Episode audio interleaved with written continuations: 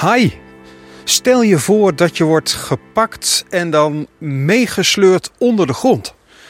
Nou, dat gebeurt gewoon in jouw eigen tuin. Hallo, ik ben Remco van Schellen. En welkom in de radiotuin. Dat is mijn eigen stadstuintje ergens in Zeeland. Dat gruwelijke verhaal, dat hoor je zo dadelijk. Maar eerst eens even luisteren. Ik weet niet of je het heel goed kunt horen.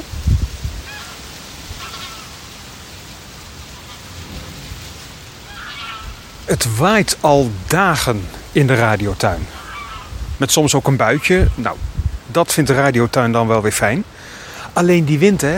Ik weet niet hoe het met jou gaat, maar op een gegeven moment ben ik die wind gewoon beu. Dan denk ik, stop nou eens. Zet die windmachine uit. Maar ja, dat gaat niet, want dat is nou eenmaal de natuur. Die doet gewoon zijn eigen ding. Daar hebben wij mensen niks over te zeggen, al willen we dat wel. Wij zijn slechts een schakeltje in die grote Circle of Life, die natuur heet. De Circle of Life. Daarover gaat het ook in het verhaal van vandaag. Vaste natuurkenner Erik Majeu leert je een insect kennen dat je waarschijnlijk al best vaak gezien hebt zonder het te weten. De bijenwolf. Dag Erik. Goedemorgen Remco. Dan hoor ik bij en wolf. Een bijenwolf, officieel is het de familie van de wespen.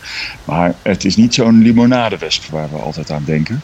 Uh, dit is een graafwesp. Dus deze graaft letterlijk, zoals de naam zegt, holletjes in de grond. En daar uh, stopt hij slachtoffers in. Slachtoffers? Ja, nou ja, en daar komt die andere helft van de naam. Bijen. Deze uh, graafwesp die vangt dus honingbijen. vervolgens neemt hij zo'n honingbij mee naar huis. Stopt onder de grond.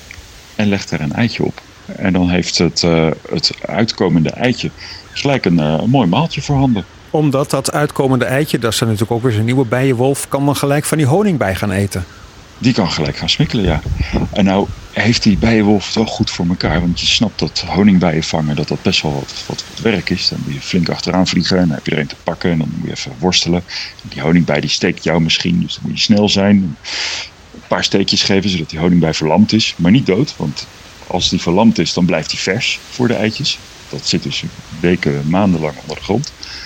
Met al die energie kun je uh, dan jezelf wel mooi opladen op het moment dat je een honingbij vangt. Want die heeft, als het goed is, een heel klein honingmaagje vol met nectar. Ja, eh, het klinkt als een gruwelijk verhaal. En uh, hoe mooi de natuur ook vindt. Ik weet dat de natuur af en toe ook heel gruwelijk kan zijn. Omdat het eten en gegeten worden is. Ja, dat is de natuur. En dit is daar dan wel weer een voorbeeld van. Dit is er zeker een voorbeeld van. Ja, want die honingbijen doen natuurlijk allemaal hartstikke nuttig werk. Maar ja, ze, ze kunnen dus ook opgegeten worden door andere dieren. En deze cyclus kan nog verder. Want er zijn dus ook insecten die weer eitjes leggen op honingbijen die gevangen worden door bijenwolven. Maar daar moeten we het maar een andere keer over hebben, want het wordt een ingewikkeld verhaal. Ja, eh, zeker. Want ik vind het nu wel lastig, want die bijenwolf is geen bij en geen wolf, maar een soort wesp. Hoe ziet hij er dan uit, Erik? Ja, het is, uh, eigenlijk is het best wel een, een, forse wesp. Alleen het verschil is dat normaal gesproken hebben wespen best wel brede kaken waarmee ze hout aan het uh, verzamelen zijn om nestjes te bouwen. Deze heeft eigenlijk, als je hem bekijkt, best wel een bolle kop. Alsof er een soort uh, knikker op geplakt is die dus kop vormt.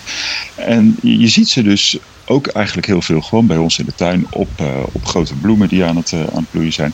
Want nectar lusten ze ook heel graag. Dus uh, ik kwam er gisteren eentje tegen op bloeiende prei. De bijenwolf. Ik kende hem niet, maar nu wel dankzij jou, Erik Milieu. Dankjewel en ik spreek jou volgende week weer. Tot volgende week, Remco. Dank je. Nou, daar vlieg je dan als honingbij. Word je in je nek gepakt, onder de grond gestopt, waar je nog wekenlang leeft en dan opgegeten wordt. Eens even kijken tussen het kattenkruid hier in de radiotuin. Is al uitgebloeid. Ik zie wel een hommel, ook een bij. Pas op bij, voor de bijenwolf. Een foto trouwens van die bijenwolf vind je op radiotuin.nl. De mooie, gruwelijke natuur, alle babbels daarover, staan ook op de website radiotuin.nl. En daar kun je ook reageren. Tot volgende keer.